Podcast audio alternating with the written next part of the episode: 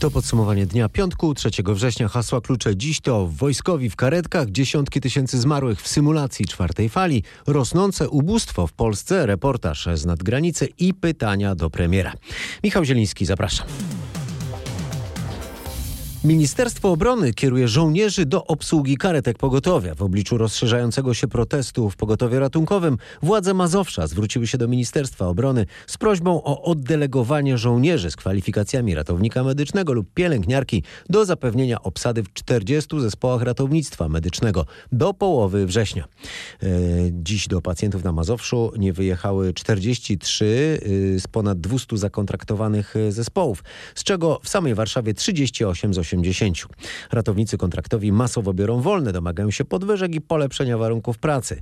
Według wiceministra zdrowia Waldemara Kraski stacje pogotowia ratunkowego wykazują spore zyski, więc powinny płacić tym pracownikom lepiej. Wiceminister poleca zatem, jak to ujmuje, polepszenie dialogu między ratownikami i ich pracodawcami. Państwa, to są pieniądze, które powinny także trafić do pracowników tych, tych stacji. Więc nie jest tak, że e, pracodawcy tych pieniędzy nie mają. Więc myślę, że ten dialog, który powinien się w tych stacjach odbywać, odbędzie się i jakiś, e, jakieś porozumienie zostanie zawarte. No ale oczywiście my jako Ministerstwo Zdrowia, jako rząd także pracujemy na tym, aby zwiększyć finansowanie Państwowego Ratownictwa Medycznego i właściwie już w tej chwili jest na ukończeniu wycena E, tak zwanej dobokaretki, czyli e, wycena e, świadczenia, które jest w ciągu doby świadczone przez zespół ratownictwa medycznego, tak zwany zespół P i zespół E. Te, te wyliczenia w tej chwili wykonuje nam AOTWIT, więc myślę, że za kilka dni będziemy już mieli e, te rzeczywiste koszty e, funkcjonowania e, państwowych zespołów ratownictwa medycznego. Mówił wiceminister zdrowia, tymczasem wiele wskazuje na to, że pacjentów dla karetek może przybywać. Na razie Ministerstwo Zdrowia poinformowało o 349 nowych zakażeniach koronawirusa. Ale ukazała się też alarmistyczna wręcz prognoza. Ponad 50 tysięcy osób może umrzeć podczas czwartej fali pandemii. Tak przewidują naukowcy z Uniwersytetu Uniwersytetu Warszawskiego. Według nich zachorować może nawet 8 milionów ludzi. O tym, jak będzie wyglądać ta czwarta fala, Grzegorz Kwolek czarnym, pesymistycznym scenariuszu codziennie będziemy notować nawet 50 tysięcy zachorowań. To oznacza duży wzrost liczby zgonów, ale mniejszą liczbę hospitalizacji niż w poprzednich falach. Ma to zupełnie inne przełożenie na ilość hospitalizacji, tak? bo ten najbardziej pesymistyczny wariant y, przekłada się na, na maksymalnie 20 tysięcy, 22 tysięcy hospitalizacji. Mówi dr Franciszek Grakowski, dodaje, że taka fala potrwa do połowy listopada. W wariancie optymistycznym dzienna liczba zachorowań wyniesie około 5 tysięcy. Hospitalizacji i zgonów będzie mniej, ale czwarta fala potrwa wtedy do stycznia. W dalszej części podsumowania dnia innymi prognozy dotyczące sytuacji gospodarczej w Polsce i inflacji. Będziemy także mówić o ubóstwie, które w Polsce się zwiększa. Ekonomiści coraz więcej mówią o presji płacowej. Badania rynku pracy już wskazują, że coraz więcej pracowników zamierza ubiegać się o podwyżkę, a można się spodziewać, że będzie ich jeszcze więcej. Przy rosnących cenach i niskim bezrobociu część ekonomistów ostrzega też przed rozkręceniem się wręcz spirali cenowo-płacowej i dalszym wzrostem inflacji, być może nawet wymknięciem się inflacji spod kontroli. W światowej prasie ekonomicznej yy, pojawiły się doniesienia z Polski o tym ryzyku. Yy, napisała o tym yy, agencja Bloomberga. Y, przywołała przy tym wypowiedź byłego prezesa NBP Marka Belki, który zauważa, że w Polsce władze nic sobie nie robią z tego ryzyka, y, albo wręcz się z tego cieszą, jak premier Morawiecki, który powtarza, że co prawda ceny szybko rosną, ale płace jeszcze szybciej. Według Marka Belki władze ignorują zatem ryzyko powstania spirali cenowo-płacowej i ucieczki inflacji spod kontroli. Według szefa Państwowego Funduszu Rozwoju Pawła Borysa, który był dzisiaj gościem popołudniowej rozmowy w RMFFM, bardzo wysoka inflacja nam jednak nie grozi. Jeżeli chodzi teraz o zagrożenie hiperinflacją, to absolutnie nam to nie grozi. Rzeczywiście gospodarka z recesji wywołanej pandemią bardzo szybko przeszła do e, boomu, do bardzo szybkiego wzrostu. Towarzyszy temu wzrost cen, nie tylko w Polsce, ale na świecie. Natomiast on nie powinien być na pewno tak znaczący, jak kiedyś obserwowaliśmy. E, według aktualnych e, prognoz ten wzrost cen powinien być widoczny do końca tego roku. W 2022 mamy szansę już, że ta, ten, ten, ta dynamika zacznie powoli się stabilizować. Rzeczywiście jest tak, że rok temu ceny surowców bardzo mocno spadały, ceny nawet żywności spadały, właśnie mieliśmy do czynienia z recesją, ceny paliw bardzo mocno wtedy spadły, a teraz po roku no, te ceny czasami rosną po 100% i e, wszyscy mamy nadzieję, że jest to e, jednak e, zjawisko e, przejściowe, natomiast jest to chociażby argument do tego, żeby Narodowy Bank Polski w perspektywie najbliższych miesięcy też e, normalizował politykę pieniężną. Czyli podnosił stopy procentowe, by poskromić inflację. Na razie jednak większość członków Rady Polityki Pieniężnej, która decyduje o wysokości stóp, nie zapowiada ich podniesienia. Wobec wzrostów cen nie jest wykluczone, że rząd zdecyduje się na podniesienie płacy minimalnej bardziej niż do zapowiadanych już 3000 zł brutto od nowego roku. W zeszłym roku tymczasem w Polsce mocno przybyło y, ludzi żyjących w skrajnym ubóstwie.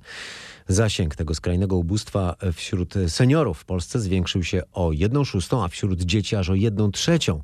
To nienotowane od wielu lat zmiany na gorsze. Skrajne ubóstwo dotyczyło w zeszłym roku ponad 5% rodzin i niemal 6% wszystkich polskich dzieci. A trzeba tu dodać, że chodzi o biedę stanowiącą wedle definicji zagrożenie dla psychofizycznego rozwoju człowieka. Te zmiany na gorsze w roku pandemii wiążą się właśnie ze wzrostem wspomnianej inflacji, a ponieważ w szczególności ta inflacja dotyczy kosztów mieszkania i jedzenia, cierpią przez to najbardziej osoby o najniższych dochodach. Poza tym, jak wszędzie na świecie, w zeszłym roku ludzie, którzy żyją z dorywczej pracy, znaleźli się w dramatycznej sytuacji.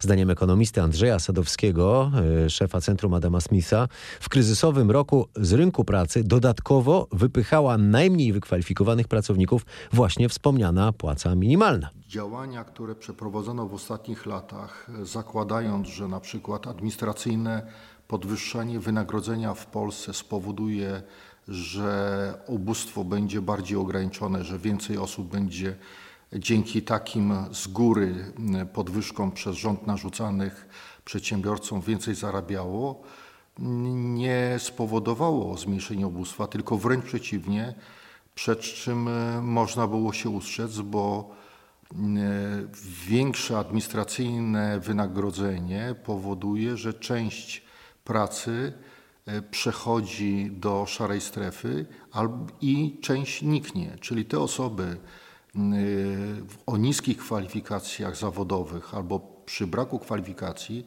mogły pracować przy najprostszych e, czynnościach i poprzez podwyższanie właśnie ceny tej najprostszej pracy s- doszło do tego, że zostali całkowicie wypięci z rynku i mogą liczyć tylko na doraźną pracę w szarej strefie, ale doraźną, a nie stałą.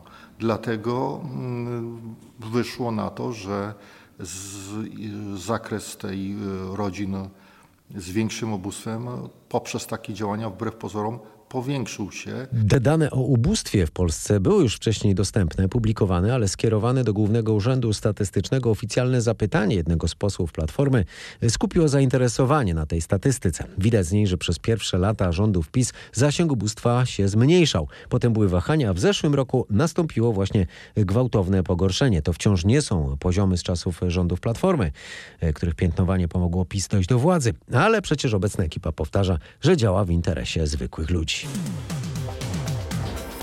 Na razie rządzący skupiają się głównie na granicy z Białorusią.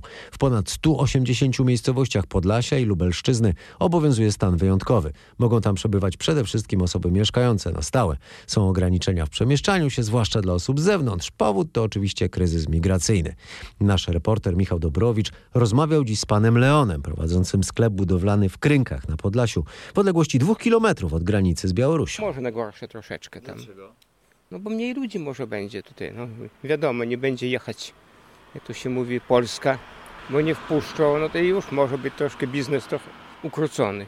Dużo takich osób przejeżdżających właśnie, zaglądających po drodze przyjeżdżało. Jest, jest sporo osób tutaj. Y, W tym roku bardzo dużo osób tu jest. Odwiedza nas, także no. Myślę, że będzie mniej po prostu. Od kiedy pojawiły się te informacje o stanie wyjątkowym, tutaj coś się zmieniło? Tak, tak, staramy się to spokojnie wszystko roz... No, no, no, bo, no bo nie ma, po... nie ma potrzeby tutaj, nie wiadomo o czym myśleć, nie wiadomo co tam tego, bo, bo to jest bieda ludziom, powiem. Ja widziałem tych ludzi. Na własne oczy widziałem. Nie tylko, nawet po drodze. Ja ich widziałem także, no. Także, także ja po prostu współczuję. Uważam, że trzeba pomóc ludziom, a nie ich odrzucać. A co dla Państwa ten stan wyjątkowy tutaj tak na co dzień oznacza? No nie wiem, koniec jakichś tam imprez, nie można będzie gdzieś tam pójść, coś zrobić. Trzeba będzie jakieś ograniczenie, pewnie z dowodem chodzić trzeba będzie z sobą nosić. To duże utrudnienie? No pewnie tak. Chciałby Pan, żeby szybko się ten stan wyjątkowy skończył? Chciałbym, żeby w ogóle go nie było. Dobra decyzja. Myślę, że ludzie się boją wychodzić w ogóle z domu wieczorami. Przez ten kryzys migracyjny? Tak. Boją się w ogóle, do mieszkańców pukają nawet po nocach e, emigranci, prosząc o pomoc, o, o, a ludzie jednak starsi się boją. No. Będzie spokojniej. E, myślę, że tak. Myślę, że troszkę e, już nie tak się boimy, jak baliśmy się. Troszeczkę tej ochrony jednak jest. Widać tutaj więcej policji, wojska. Bardzo, bardzo dużo, bardzo dużo jeździ jak rano, tak i popołudniami. E, dosłownie te rondo obkręca się, to praktycznie nie zamyka. Przez jednostki i policji, i Straży Granicznej. Gdzie przede wszystkim można spotkać te jednostki? E, jadąc na Usnarz to tylko jeden kierunek. To jest główna droga do Usnarza, która właśnie jedna i jedyna prowadzi. Michał Dobrołowicz rozmawia z mieszkańcami miejscowości Krynki. W tym rejonie spotkał również turystów, którzy masowo wyjeżdżają z tego terenu objętego stanem wyjątkowym. Jak twierdzili, zaskoczyła ich informacja o zmianie zasad przebywania na tym terenie. Dwie godziny, godzinę wstecz przyjechaliśmy i się teraz dowiedzieliśmy właśnie jaka jest. I trzeba wracać. No wrócić, musimy wrócić. Dokąd? O, to do, najpierw do Augustowa. A z Augustowa to do Poznania. No dowiedziałam się tutaj te właścicielki tutaj tego. No szkoda bardzo, bo miejsce urokliwe, bardzo przyjemne. Państwo właśnie wyjeżdżają? Y, Tak, wyjeżdżamy, wracamy do siebie i wracamy z imprezy z Jałówki. Wojsko nas tutaj też zatrzymało, sprawdzili, że jesteśmy wszyscy stąd, także dokąd jedziemy. A co na to przedsiębiorcy? Nasz reporter rozmawiał również z prowadzącą jeden z ośrodków turystycznych, Janetą Bogdanowicz. Sezonowość nasza powoduje, że my martwimy się o zimę i żeby przeżyć, trzeba pracować. I mm, tym okresem to jest właśnie ten czas, co jest teraz. Czyli wrzesień. Wrzesień. Tak jak mówię, sezon był dobry, ale to dopiero od 1 maja 8 miesięcy pracujemy i znowu nas zamykają. Jest to trudne dla nas, bo nie wiemy, co nas czeka. My nie wiemy jeszcze, co za tym idzie. Stan wyjątkowy. Ja jeszcze jestem z okresu czasów, przeżyłam z czasu, mm, jak to się mówi, stanu wojennego. I bardzo źle mi się to kojarzy. Nie wiemy, co nas czeka. Boimy się tego, boimy się tej niepewności. E, Również nie tylko my jako przedsiębiorcy, e, ale również i zwyczajni ludzie, mieszkańcy tutaj przygranicznych miejscowości. Według prezydenta czy ministra spraw wewnętrznych ten stan wyjątkowy wprowadzony jest e, teraz z dwóch powodów. E, Pierwszy to kryzys migracyjny i zwiększona liczba uchodźców na naszej granicy, mm, ale również ćwiczenia Zapad 2021, największe ćwiczenia wojskowe w Europie od prawie 40 lat. W rosyjsko-białoruskich manewrach ma wziąć udział nawet 200 tysięcy żołnierzy. Wykorzystanych ma być 30 samolotów i helikopterów oraz 300 sztuk ciężkiego uzbrojenia. E, Dla Polski zagrożeniem są dziś nie wojska konwencjonalne, lecz wojna hybrydowa, mówi w RMF FM generał Roman Polko. propaganda, to jest y, obecność w cyberprzestrzeni, to jest y, chociażby wypychanie uchodźców, którzy są w okrutny sposób traktowani jako broń, najpierw zapraszani na Białoruś, a później wypychani przez służby specjalne na teren Unii Europejskiej po to, żeby generować problemy. To jest realne zagrożenie. Nie wiadomo, co jeszcze w scenariuszu tak naprawdę Putin Bo prezydent Rosji przedmiotowo wykorzystuje Białoruś, by obniżyć wiarygodność Polski i krajów nadbałtyckich, dodaje generał Polko. A w uzasadnieniu wniosku o wprowadzenie stanu wyjątkowego nie ma wzmianki o organizowanych przez Rosję i Białoruś ćwiczeniach. Skierowane do Sejmu uzasadnienie rozporządzenia za główne zagrożenie uznaje obecność w pasie przygranicznym osób, których prawa przeszkadzają w działaniach funkcjonariuszy, zauważa Tomasz Skory. Naprawdę tak jest. Uzasadniając kompletny zakaz dostępu do strefy granicznej dla osób z zewnątrz, rząd wprost stwierdza, że, cytuję, przenikanie nadmiernej ilości informacji związanych z podejmowanymi działaniami może obniżyć skuteczność działania polskich służb. Co więcej, przedstawiony Sejmowi dokument jasno też stwierdza, że przebywające w strefie osoby przeszkadzają służbom działać z pobudek humanitarnych, korzystając jednak ze swoich praw i wolności konstytucyjnych, jak prawo przemieszczania się i zgromadzeń i z tego właśnie powodu nieskrępowane działanie funkcjonariuszy wymaga ich usunięcia. W oficjalnym uzasadnieniu stanu wyjątkowego uderzające jest też to, że nie pada w nim nawet słowo o planowanych na wrzesień manewrach Zapad, o których tak często mówią uzasadniając wprowadzenie stanu wyjątkowego członkowie rządu. Stan wyjątkowy, nowy ład oraz wrześniowe obrady Sejmu to będą główny temat y, jutrzejszej rozmowy Krzysztofa Ziemca w RMFFM, a gościem będzie premier Mateusz Morawiecki. Początek jak zwykle o 8.30. Zapytaliśmy przechodniów, jakie pytania chcieliby zadać szefowi rządu. Dlaczego nie przykłada się aż tak dużej roli do edukacji naszej? Dlaczego obsadza się niewłaściwych ludzi na niewłaściwych stanowiskach? Kiedy będzie dobrze w Polsce? Kiedy będziemy się czuli bezpiecznie i kiedy nie będziemy się bali, że, że jest zagrożenie, że podatkami nas tak obciążą, że, że dzieci nasze pouciekają z Polski i kiedy przestaniemy się kłócić z innymi państwami. Co z pieniędzmi z Unii Europejskiej? To były pytania warszawiaków do szefa rządu. Słuchacie podsumowania dnia piątku 3 września. Komercyjne wycieczki w kosmos Richarda Bransona uziemione przez amerykański urząd czuwający nad bezpieczeństwem lotów pasażerskich. Jest to związane z ostatnim testowym lotem z udziałem brytyjskiego miliardera. E, skąd ta decyzja? O tym nasz brytyjski korespondent Bogdan Frymorgan. Okazało się, że statek, na którego pokładzie w lipcu tego roku był Richard Branson, zboczył z ustalonej trajektorii. Zdaniem rzecznika firmy Virgin Galactic nastąpiło to w wyniku mocnego wiatru, który pojazd Bransona napotkał w drodze powrotnej z pułapu prawie 100 km nad ziemią. Amerykański urząd regulujący funkcjonowanie lotnictwa polecił firmie brytyjskiego miliardera czasowe zawieszenie planowanych lotów do wyjaśnienia tych okoliczności. Następny komercyjny lot firmy Virgin Galactic planowany jest na koniec tego lub początek przyszłego miesiąca. Na razie stoi on pod znakiem zapytania. Na amerykańskim wschodnim wybrzeżu rośnie tragiczne żniwo huraganu Ida. Przetaczają się tam burze, tornada i gwałtowne powodzie.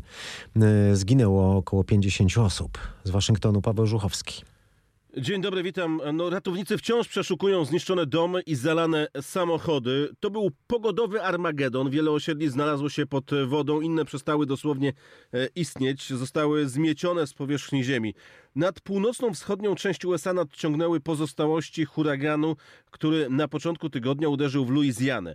Żywioł osłabł, były gęste chmury, padał intensywnie deszcz. Wydano ostrzeżenia, jednak mm, wiatr nie stanowił już problemu i w zasadzie Amerykanie odetchnęli z ulgą, bo wydawało się, że no, w Luizjanie, choć sytuacja była po uderzeniu huraganu poważna, natomiast tam zadziałały zabezpieczenia. Mm, doszło do wielu zniszczeń, ale nie takich jak 16 lat temu, kiedy mm, uderzyło była Katrina i wydawało się, że najgorsze Stany Zjednoczone mają już za sobą. Natomiast tutaj, kiedy te chmury przesunęły się nad północno-wschodnią część USA, zaczęły tworzyć się tornada, a studzienki kanalizacyjne nie były w stanie odebrać takiej ilości wody. I zaczęło się. Zalane zostało choćby nowojorskie metro. Trzeba było na przykład e, zamknąć chwilowo lotnisko Newark w New Jersey, bo woda zaczęła wlewać się na pasy startowe. Było naprawdę niebezpiecznie. Z powodu intensywnych opadów e, po raz pierwszy w historii Krajowa Służba Meteorologiczna ogłosiła w Nowym Jorku stan zagrożenia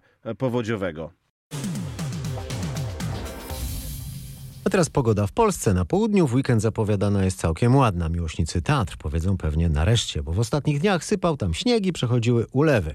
Teraz jest znacznie lepiej, zapewnia ratownik dyżurny TOPR Witold Cikowski i turyści wracający ze szlaku. Najgorsze co było, to był zalegający śnieg. Gdzieś tam wysoko na Słowacji jeszcze troszkę go zalega. Natomiast chłodno będzie i, i będzie mokro, będzie raczej ślisko, ale na szczęście już nie będzie tego śniegu. Na Orlej Peczci było widoczne dwa dni temu, jak jeszcze padało, ale już raczej strzedł.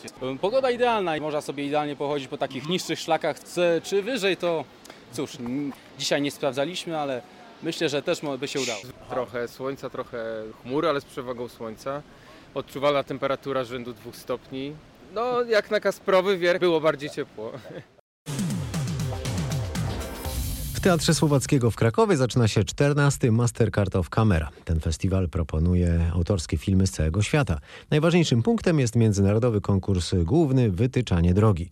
Filmy z całego świata oceniać będą projektantka kostiumów gry o tron Gemma Jackson, producentka Lima Gidey i szef jury reżyser Tomasz Wasilewski. Rozmawiała z nim nasza dziennikarka Katarzyna Sobiechowska-Szuchta.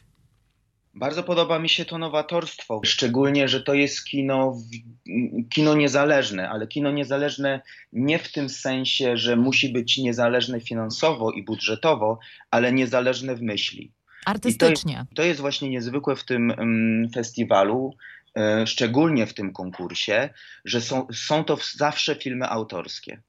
Więc możemy się nie zgadzać z, ze światopoglądem twórcy, możemy nie odczuwać tego wszystkiego, co on odczuwa, ale zawsze jest to kino autorskie i to jest przeraźliwie fascynujące i przeraźliwie inspirujące, ponieważ to powoduje, że te filmy są niezwykłe i one są właśnie paradoksalnie, mimo że są w konkursie, one są nieporównywalne.